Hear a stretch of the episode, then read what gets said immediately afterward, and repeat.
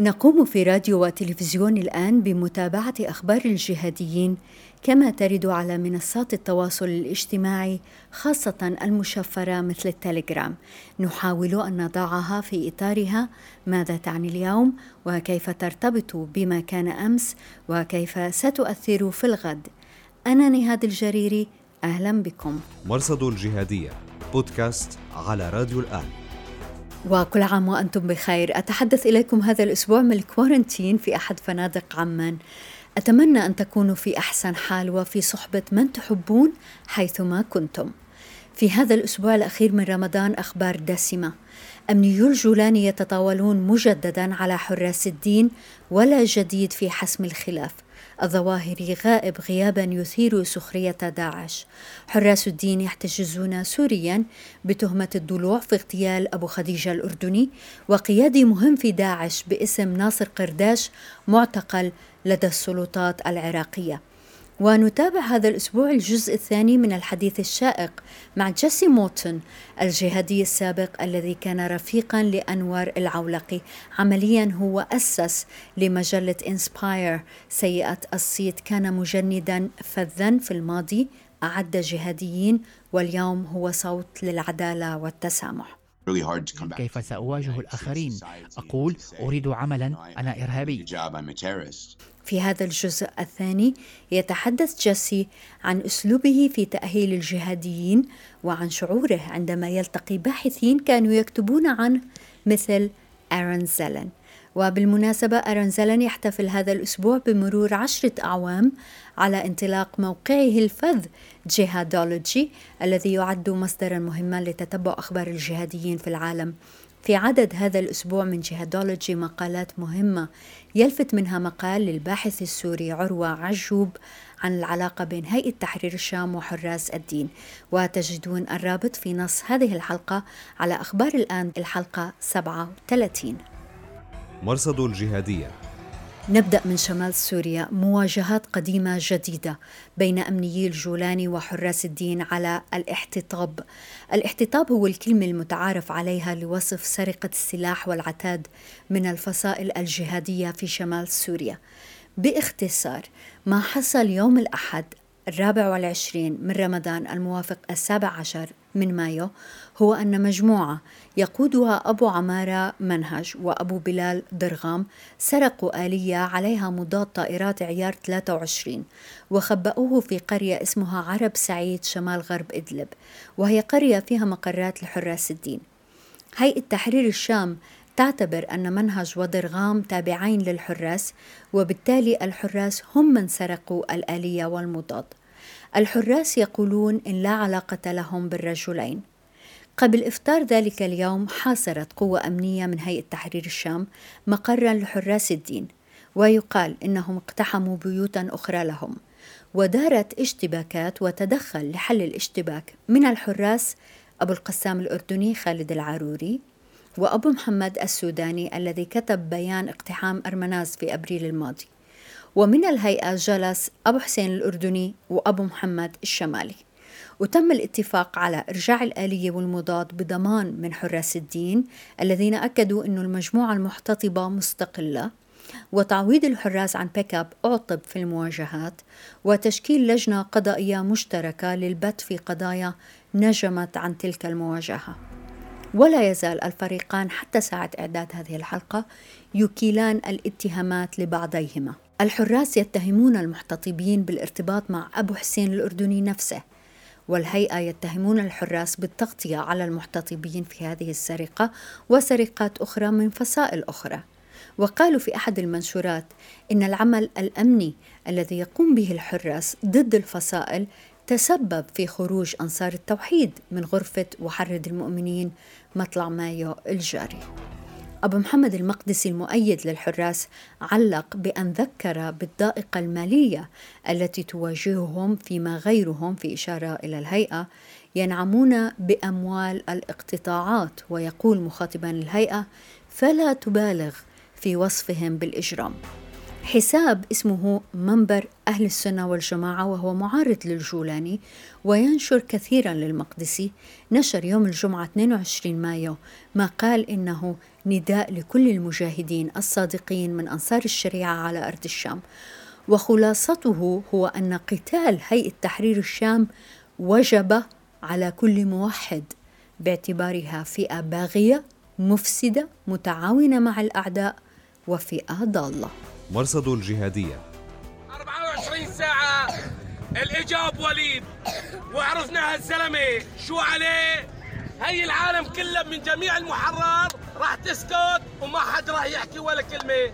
نشر تنظيم حراس الدين بيانا توضيحيا حول اعتقال خالد مدللة المعروف باسم أبو الوليد الحموي بعد تجدد تظاهرات تطالب بالإفراج عنه. التنظيم يقول إن لديه قرائن تثبت تورط الحموي في اغتيال أبو خديجة الأردني في ديسمبر 2019 بيان الحراس هذا يأتي بعد ثلاثة أشهر من اعتقال الحموي في الأسبوع الأخير من فبراير. أنصار هيئة تحرير الشام وصفوا ما حدث بالجريمة واعتبروا أن الحراس اختطفوا الحموي واتهموهم بالكذب والتدليس. أنصار الحراس استغربوا من اهتمام إعلام الهيئة بهذا الاعتقال بينما لا تزال سجون الهيئة مليئة بالمظلومين كما قالوا. ولفت في حساب مزمجر الثورة السورية المعارض للجولاني منشور يتهم هيئة تحرير الشام بالضلوع في اغتيال قياديين من الحراس هما أبو خلاد المهندس وأبو جليبيب الطوباسي. ويقول أنه رفض الجولاني تسليم فيديو تسجيل الكاميرات أمام منزل أبو خلاد المهندس الذي قتل في عبوة ناسفة في أغسطس 2019 وأن من اغتال المهندس هو من حاول اغتيال أبو القسام الأردني ثلاث مرات. وأما بالنسبة للطوباسي فقد اعتقله الجولاني حتى يمنعه من العودة إلى درعا التي كان فيها أميرا. ولكن بعد إصراره وتوجهه إلى درعا لقي حتفه في كمين هناك فقتل رميا بالرصاص في ديسمبر 2018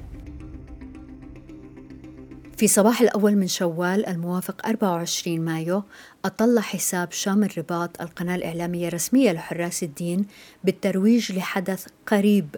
اتضح أنه كلمة مرئية لسامي العريدي أحد كبار قيادات التنظيم بعنوان مكمن الداء يتحدث فيها عن استقلالية الأمة المسلمة. انظروا إلى ما حل في درعا والغوطة وحلب.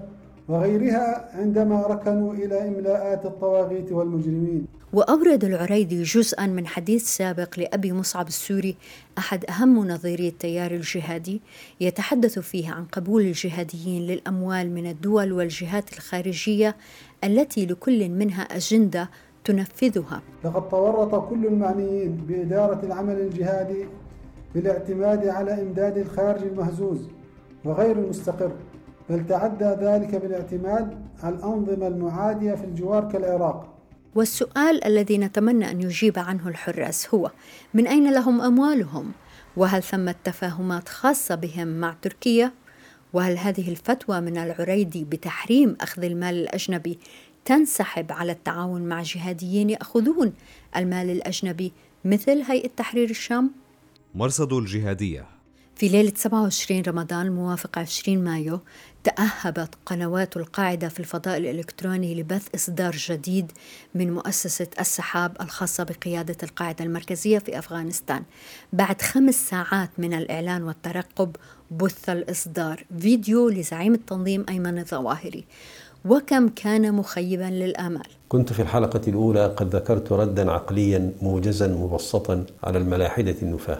الإصدار هو الحلقة الثانية من السلسلة الدعوية معا إلى الله التي بثت حلقتها الأولى في 29 ديسمبر 2019 في هذه الحلقة المؤلفة من جزئين يتابع الظواهر الحديث عن الإلحاد صفاته وأدواته وضحده. لكن بالرغم من هذا قد يحمل الإصدار إجابة على السؤال أين الظواهري فمن حيث التوقيت غلاف الإصدار حمل تاريخ مايو 2020 بهذا المعنى يأتي الإصدار في وقت تعصف بالقاعدة حوادث جمة لكنه لم يتطرق إلى أي منها.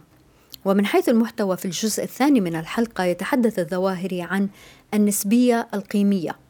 فكل قيمة أو مبدأ أو عقيدة قابلة للتغير بتغير الأحوال والظروف. وهذه سمة ظاهرة في الحضارة الغربية العلمانية. ومن أمثلتها تدمير الشعوب ونزع ثرواتها الذي يعدونه أمرا مبررا تماما. هنا يتدخل راو بسرد يشرح نظرية الظواهري وينتقل من الهولوكوست إلى فيروس كورونا. شهدت ألمانيا النازية عمليات قتل جماعي واسعة النطاق رئيس الوزراء البريطاني الحالي بوريس جونسون في مقاربته الأولى لمواجهة فيروس كورونا على مبدأ مناعة القطيع وهي تسمية تجميلية لنظريات الفلسفة الداروينية. وبعد هذا الفاصل يكمل الظواهر حديثه من حيث انتهى. المنطق يقول إن الحلقة سجلت مع الحلقة الأولى التي بثت في ديسمبر الماضي وبالتالي ما من شك في أن أقحام مؤسسة السحاب هذا الجزء من الرواية جاء ليكون الحديث متصلا بالحاضر. لكنه أتى بنتائج عكسية تفوق الخطأ في توقيت البث. فما الذي يمنع الظواهر من الحديث مباشرة في هذا الأمر وأمور أخرى أو على الأقل المباركة بشهر رمضان؟ أنصار داعش تلقفوا هذا الإصدار واعتبروا أنه يؤكد ما استنتجوه سابقا وهو موت الظواهر أو شلله أو غيبوبته وأن سيف العدل عضو مجلس شورى القاعدة استغل الأمر وولى نفسه أميرا على التنظيم وبات اليوم يعيد تدوير إصدارات القاعدة.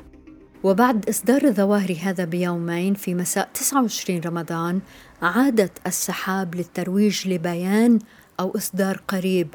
فهل ستصلح القاعدة خطأ الإصدارات السابقة المنفصلة عن الواقع؟ كلا. نشرت القاعدة الجزء الثاني من معركة جاجي لأسامة بن لادن. الجزء الأول نشر مطلع مايو الجاري. جاجي معركة تعتبرها القاعدة مفصلية في حسم الحرب مع الاتحاد السوفيتي والسيطرة على أفغانستان وجرت في مايو 1987 الموافق رمضان 1407 هجرية. وللمرة الثالثة خلال أسبوع يظهر إعلام القاعدة منفصلا عن الواقع عندما صدر العدد الرابع من مجلة أمة واحدة وهي دورية تصدرها مؤسسة السحاب التي قدمت لهذا العدد بأنه هدية عيد الفطر. ومرة أخرى أنصار القاعدة تناقلوا الترويج ولا شك توقعوا أمرا مختلفا مثل أن يظهر الظواهري لكن هدية العيد كانت تخصيص العدد لمناسبة مرور عام على انطلاق ما يسمى عمليات القدس لن تهود التي بدأتها جماعات القاعدة في إفريقيا. يلفت في هذا العدد أولاً مقال للظواهر بعنوان القدس لن تهود وهو في الواقع مقتطفات من كلمة صوتية له بثت في يوليو 2010 أبرزت المجلة أيضا هجوم بنساكولا فلوريدا الذي وقع في ديسمبر 2019 والذي تبناه فرع القاعدة في اليمن في فبراير الماضي. ومرة أخرى لم يذكر هذا العدد نبأ اغتيال عبد الله المالكي الذي قال عنه مكتب التحقيقات الفيدرالي الأمريكي إنه قائد بارز في تنظيم القاعدة في شبه جزيرة العرب استهدف في وقت سابق من هذا الشهر لضلوعه في تجنيد وإدارة الشمراني منفذ هجوم بنساكولا لفت أيضا في هذا العدد وفي الصفحة 35 صورة تجمع أبو محمد المقدسي مع أبو قتادة الفلسطيني وعليها اقتباس من الرجلين عن فلسطين وأمريكا. اللافت أن الرجلين على خلاف حاد وعلني منذ فترة. المقدسي يؤيد حراس الدين وأبو قتادة يؤيد الجولاني. مرصد الجهادية بودكاست على راديو الآن. في خبر لافت نقلت وكالة ثبات إحدى المنصات الموالية للقاعدة خبرا عن هجوم قام به المجاهدون. في موزمبيق في الأيام الأولى من رمضان أسفر عن قتل وإصابة 12 جنديا وهذه أول مرة تنقل فيه القاعدة أخبار من موزمبيق. فالجهاديون الذين يشنون هجمات هناك معروفون بولائهم لداعش. الخبر لا يذكر أي تفاصيل حتى إن اسم المكان المستهدف غير مكتمل. فذكر أن الهجوم وقع في مقاطعة موكيمبوا والمقصود هو ماسيمبوا دبرايا في إقليم كابو دلغادو ومن تتبع حصاد الهجمات التي توثقها ثبات منذ 2019 لم نجد أي ذكر لموزمبيق طوال 18 شهرا الماضية. أما حصاد الأجناد الذي يوثق هجمات داعش فقد وثق هجمات موزمبيق في كل عدد أو اثنين تقريبا ابتداء من شهر يونيو 2019 مرصد الجهادية سنأتي على حصاد هجمات داعش لهذا الشهر لكن بداية خبر من السلطات العراقية بتسلم قيادي داعشي من الصف الأول كان معتقلا لدى قوات سوريا الديمقراطية قسد. الرجل هو عبد الناصر قرداش وكان رئيس اللجنة المفوضة أيام البغدادي واعتقل في البغوز العام الماضي. عبد الناصر قرداش المولود في الموصل استلم الكثير من المهام العسكرية في عهد أبو عمر البغدادي أجرى مقابلة مع تلفزيون العربية وأبرز ما فيها أنه لا يعرف إن كان عبد الله قرداش هو الخليفة الجديد. أبو بكر البغدادي معروف أنه حازم. عبد الله قرداش ليس من نوع الحازم يعني الناس إذا هو متولي الآن يعني قيادته وهذا لافت لأن ما نعرفه عن حج عبد الله هو أنه صارم فيكنى بالمدمر. فهل نتحدث عن ذات الرجل؟ أعلنت قوات التحالف الدولي بقيادة واشنطن قتل اثنين من قياديي تنظيم داعش في إنزال مشترك مع قوات قسد في مدينة البصيرة في دير الزور شرق سوريا بتاريخ 17 مايو. الاثنان هما أحمد إسماعيل الزاوي المسؤول عن شمالي بغداد وأحمد عبدو محمد حسن الجغيفي المسؤول عن العمليات اللوجستية لدى التنظيم. في مطلع الشهر في 8 مايو تحديدا نفذت قوات التحالف وقسد إنزالا آخر في ريف دير الزور حيث اعتقل مسؤول من الصف الثاني في التنظيم لكن لم يرد هذا الخبر بشكل رسمي في بيان ورد ذكره فقط في تغريدة للناطق باسم التحالف مايلز كاجنز. صدر العدد 235 من صحيفة تنظيم داعش الأسبوعية النبأ. وفيها حصاد الأجناد للأسبوع الأخير من رمضان محققا أعلى حصيلة منذ ستة أشهر على الأقل بواقع 158 هجمة. أكثرها كان في العراق بواقع 84 هجمة. كما أورد التنظيم إحصائية للهجمات في العراق خلال شهر رمضان فبلغت 266 هجمة أكثرها في محافظة ديالا غرب بغداد. وفي تطور لافت تبنى داعش هجوما على حاجز للشرطة الهندية في سرينغار العاصمة الصيفية لإقليم جمو كشمير. كشمير كانت دائما مسرحا للقاعدة أكثر منها لداعش. منذ شهر يناير 2019 لم يتبنى تنظيم داعش أي هجوم في كشمير باستثناء واحد في قرية شبيان ورد في العدد 182 من صحيفة النبأ في شهر مايو 2019 قبل ذلك في فبراير ومارس أوردت الصحيفة خبرين عن هجومين عزتهما إلى مسلحين وإلى جيش محمد الموالي حقيقة للقاعدة. وهكذا يبدو أن داعش سينافس القاعدة في كشمير. مرصد الجهادية بودكاست على راديو الآن. جيسي موتن جهادي سابق ذهب إلى ذلك العالم الأسود ورجع. من دون أن يتخلى عن الدين أو المبدأ رحلته أنتجت وصفة عجيبة تسبغ على هذا العالم بردا وسلاما. هذا هو الجزء الثاني من حديثه الشائق جيسي أريد أن أعود بك إلى الزنزانة قرأت تاريخ العلماء المتنورين ووجدت طريق آخر إلى ذاتك ماذا حدث بعد ذلك؟ كيف أتممت هذه الرحلة رحلة العودة من التطرف؟ So I opened up and I started to I, I, I did that for about four or five months. تفتحت عيناي وطوال أربعة أو خمسة أشهر كنت أذهب أربع مرات في الأسبوع للمطالعة في المكتبة في السجن والتقيت أيضا بجاسوس سوري كان يعمل لحساب بشار الأسد وكنا نتحدث عما يحصل في سوريا كانت فترة صعبة بالنسبة لي كنت أقوم بمراجعات ذاتية اعترفت بالجرائم التي كانت عقوبتها الحبس 11 سنة ونصف لكن في سياق التحقيق معي التقيت مسؤولين معنيين بمكافحة الإرهاب. وفي ذلك الوقت بدأ طلاب الذين جندتهم يظهرون في سوريا ويخططون هجمات ضد الأمريكيين. نتذكر أن داعش ظهر فجأة لكن قبل ذلك في 2012 و2013 سافر كثيرون إلى العراق والشام ظنا منهم أنها أرض هجرة وجهاد. So many of the people that I taught started to end up over there. They were all living in Raqqa at one point. Uh, كثير من الطلاب الذين درستهم ظهروا في الرقة كانوا يجندون الآخرين. كانوا يتواصلون مع آخرين على الهواتف الخلوية والتطبيقات المشفرة ويوجهونهم لشن هجمات مثل الهجوم على مركز كيلويل في تكساس. أثناء حديثي مع المحققين لاحظوا أنني أصبحت رجلا مختلفا وأنني ندمت فعلا على الماضي. سألوني إن كنت أوافق على مساعدتهم في الكشف عن هجمات ووقفها فوافقت. كان وقتا عصيبا. رأيت الكثيرين يفعلون أمورا شائنة بسبب ما علمتهم إياه. في نهاية الأمر استطعت أن أقدم للسلطات معلومات مكنتهم من إحباط هجمات وبدأنا نتحدث عن وسائل لمكافحة الراديكالية والتطرف العنيف في أمريكا وكان لي دور في ذلك. شعرت أنني استعدت توازني. كنت أعاني من الصدمة تروما. ولكنني في ذلك الوقت كنت ممتنا أنني وجدت الإسلام. شعرت كأنني أنافق.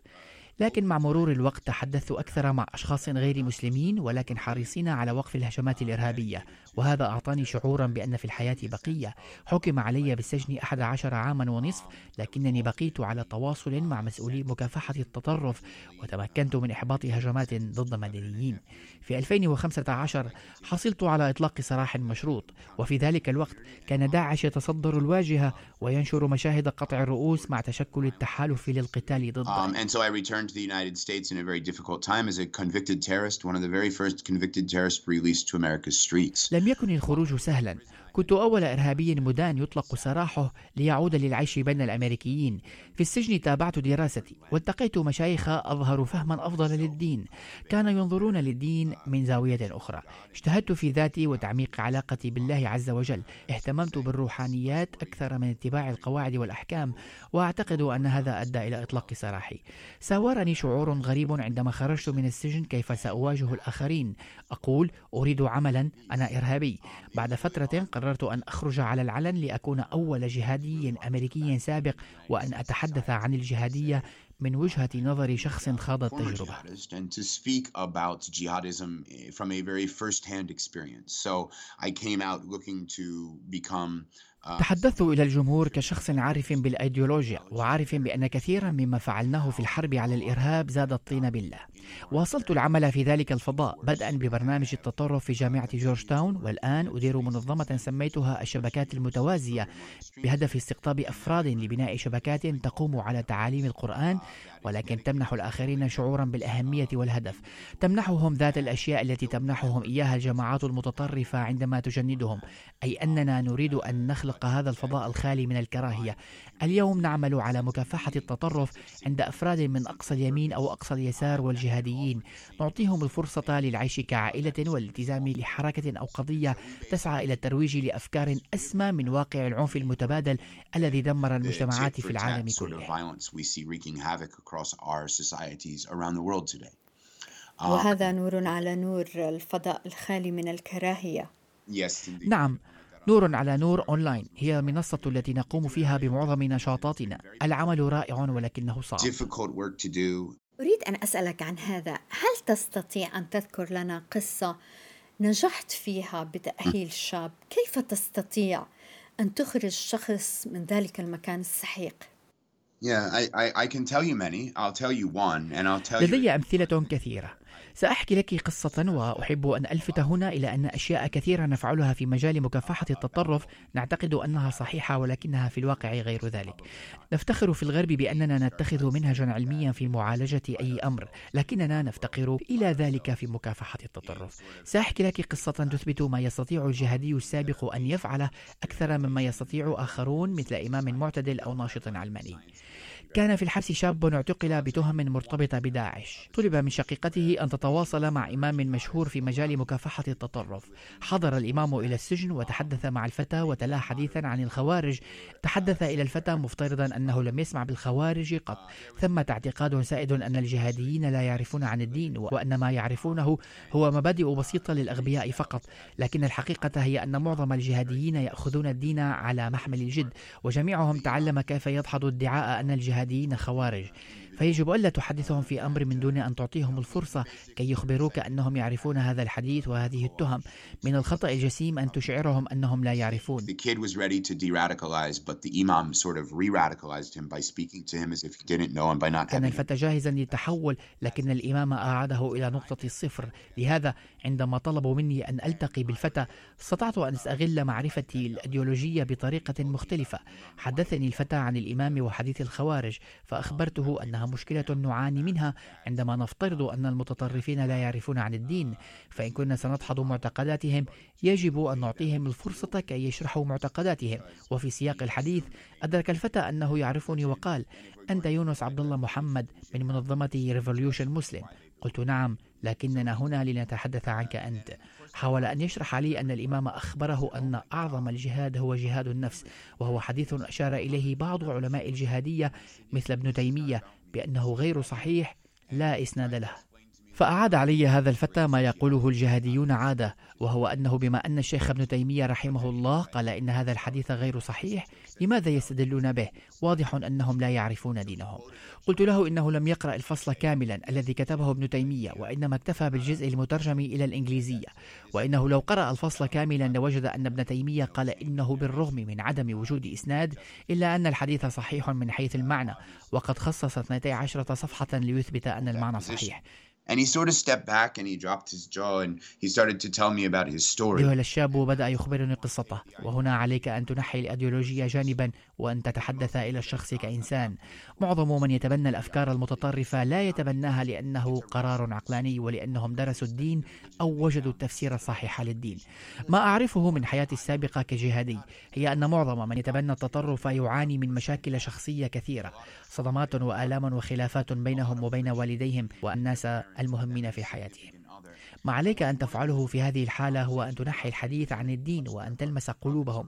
الله عز وجل يعلمنا في القرآن أن نتحدث إلى الذين نريد هدايتهم بأن نقول قولا في أنفسهم يلمس أرواحهم. لا يقول أن نحدثهم عن نظام سياسي أو اقتصادي إن طبقوه. أصبحت حياتهم مثالية وإنما يأمرنا أن نلمس قلوبهم. عندها تظهر للآخر أنه بالرغم من أن العالم كله يعتبرك إنسانا بغيضا وأنا أعرف هذا الكلام لأنني كنت مكانك إلا أنك لست كذلك. بل أنت تهتم بالأمة الإسلامية أكثر من أي شخص آخر وأكثر من اهتمامك بنفسك. Had left him while he went to his home country of Sierra Leone. عندها كشف لي أن السبب الوحيد الذي جعله يحاول الانضمام إلى داعش في نيجيريا هو أن المرأة التي أحبها تركته عندما عاد إلى موطنه في سيراليون ولم تكن له أي علاقة بالأيديولوجيا. وهكذا تحدثنا طويلا عن ذلك الألم والعذاب الذي يمر به فتى في حاله. استطعت أن أكون علاقة معه وهي مستمرة حتى اليوم. أحاديثنا تساعده على التكيف مع حياة السجن وأعتقد أنه سيطلق سراحه في نهاية الأمر وسيحظى بحياة أفضل وعندها يستطيع أن ينضم إلى المنظمة التي أسستها. لدينا برنامج أسميناه مجتمع ضد التطرف العنيف والكراهية ويتكون من متطرفين سابقين ملتزمين اليوم بمكافحة الكراهية والتطرف في العالم. يعرف هذا الفتى أنه عندما يخرج سيجد بيتا يأويه ومجتمعا ينتمي إليه وثمة أمثلة أخرى نستغل فيها معرفتنا بالأيديولوجيا حتى نحول الحديث إلى ما هو مهم الصدمة النفسية والصحة العقلية والرجوع إلى الأصل وكيف وصل المرء إلى ما وصل إليه الآن ومحاولة مداواة الجروح الداخلية والشعور بالعار وعدم الأمان والخوف والقلق. وكلها أمور قد يلجأ المبتلى بها إلى الأيديولوجية كما يلجأ للمخدرات. هذه طريقتنا.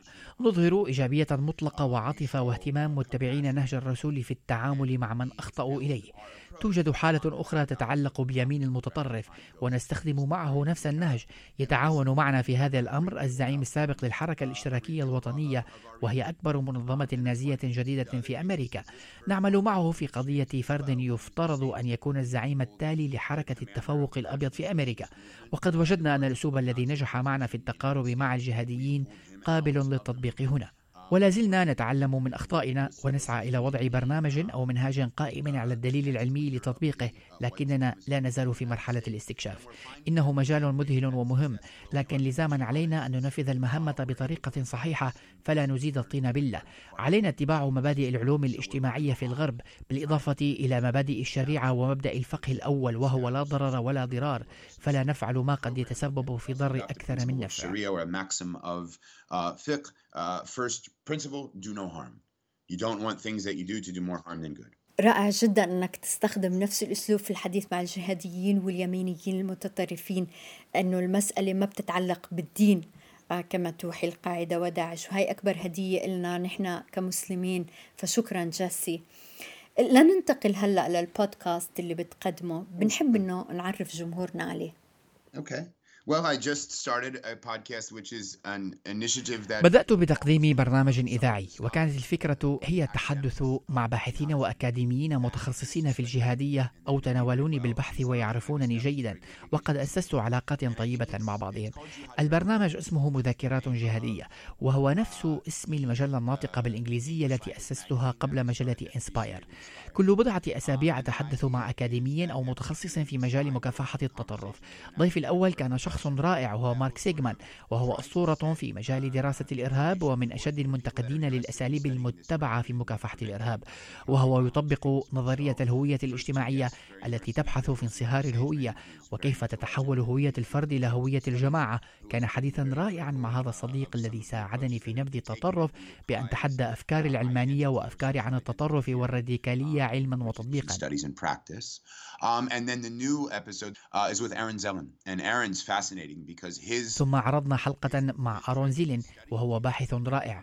رصد الجهاديين وأصبح خبيرا في البروباغندا الجهادية في نفس الوقت تقريبا الذي كنت فيه نشطا وكتب عني في موقعه جهادولوجي دوت نت. كان يغطي أخبارنا لمركز مكافحة الإرهاب. كما نشر كتابا عن الجهاد التونسي كجزء من رسالته الدكتوراه.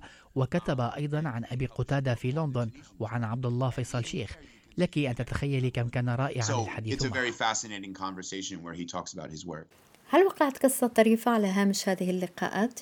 It's it's, always awkward. It, it it it's happened to me at least 200 times now. اللقاء يكون دائما غريبا. حدث معي هذا 200 مرة. عندما يقول لك أحدهم عملت على بحث ممول لدراسة حالتك. ومنهم عاملون في سلك الشرطة مثل المدير السابق للاستخبارات في شرطة نيويورك الذي وضعني تحت الرقابة طوال خمس سنوات من حياتي.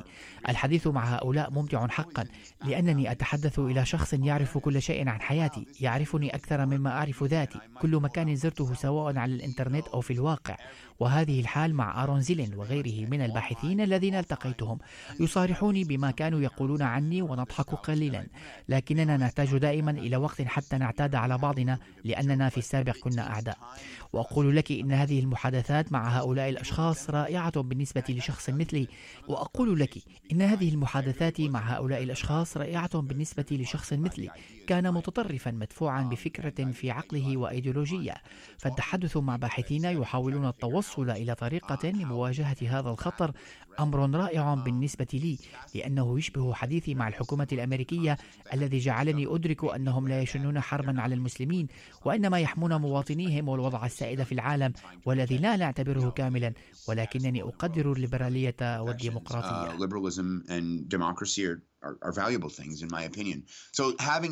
خوض هذه النقاشات أمدني بالقوة.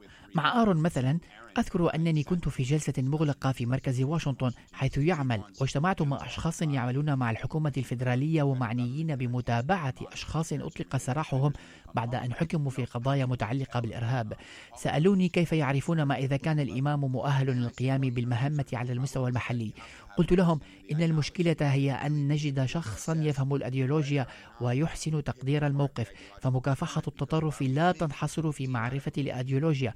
وإنما تمتد إلى معالجة جوانب أخرى من الحياة. تحتاج إلى الأيديولوجيا حتى تثبت وجودك وكفاءتك مع الشخص المعني وتؤسس لعلاقة قائمة على الثقة وإلا فلن يخبرك عن حياته الشخصية. فسألوني من هم الأشخاص في بلدنا المؤهلون لذلك فأشرت إلى آرون الذي كان جالسا معنا وقلت لهم إنه الشخص المطلوب وإن أرون يستطيع أن يخبركم على الفور ما إذا كان شخص ما قادر على القيام بالمهمة. ما تحتاجون إليه هو أشخاص مثل أرون أجد نفسي أتحدث مع شخص وجها لوجه يحصل هذا التفاعل وسرعان ما يذوب الثلج وعندما يحدث هذا يدرك الطرفان أن العالم معقد وأن التغير ممكن وهذا يجعلهم يشعرون بالرضا عما. يفعلون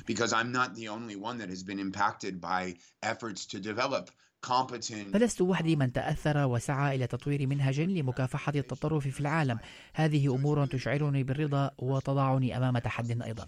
كم جميل أن تتحدث إلى شخص غير مسلم. يعرف عن دينك الكثير ويراه من زاوية أخرى.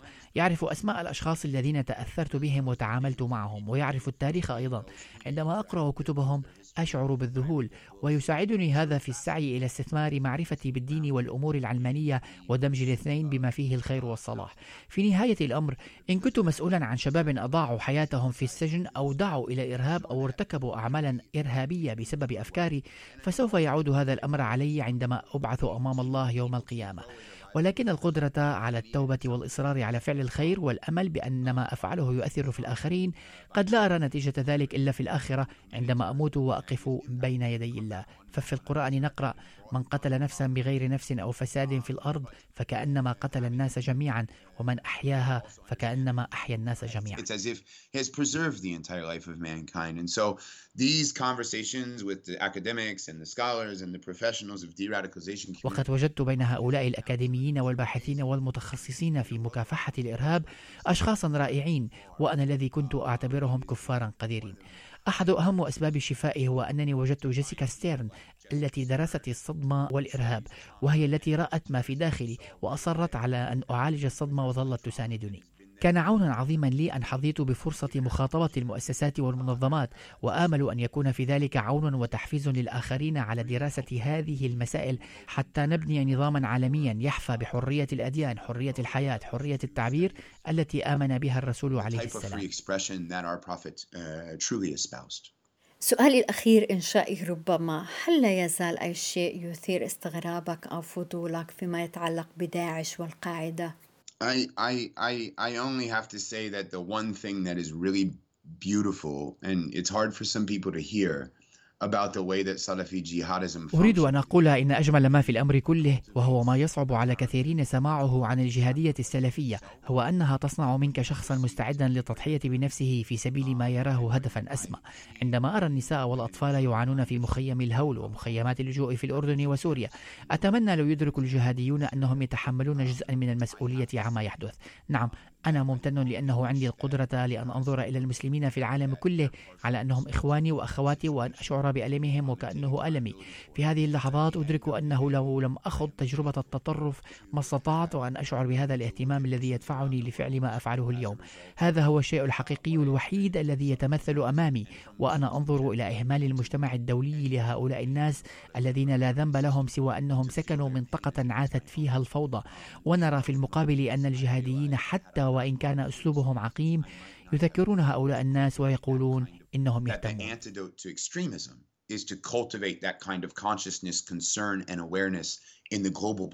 لهذا أرى أن علاج التطرف يكون في استلهام هذا الوعي بالآخر على مستوى البشر جميعا واستحضار هذا الترابط.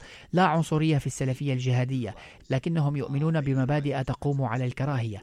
يستغلون هذه المبادئ كي يجندوا الآخرين وينتقلوا بهم إلى المستوى التالي من الدعوة لممارسات تسيء للسلام. والإسلام هو الدعوة إلى السلام والخضوع لله عز وجل. والله تعالى لن يرضى بأساليبهم التي يتبعونها. ولكن حتى نهزم التطرف الجهاديين واليمين المتطرف وحتى اليسار المتطرف الذي بدأ يتجه نحو العنف.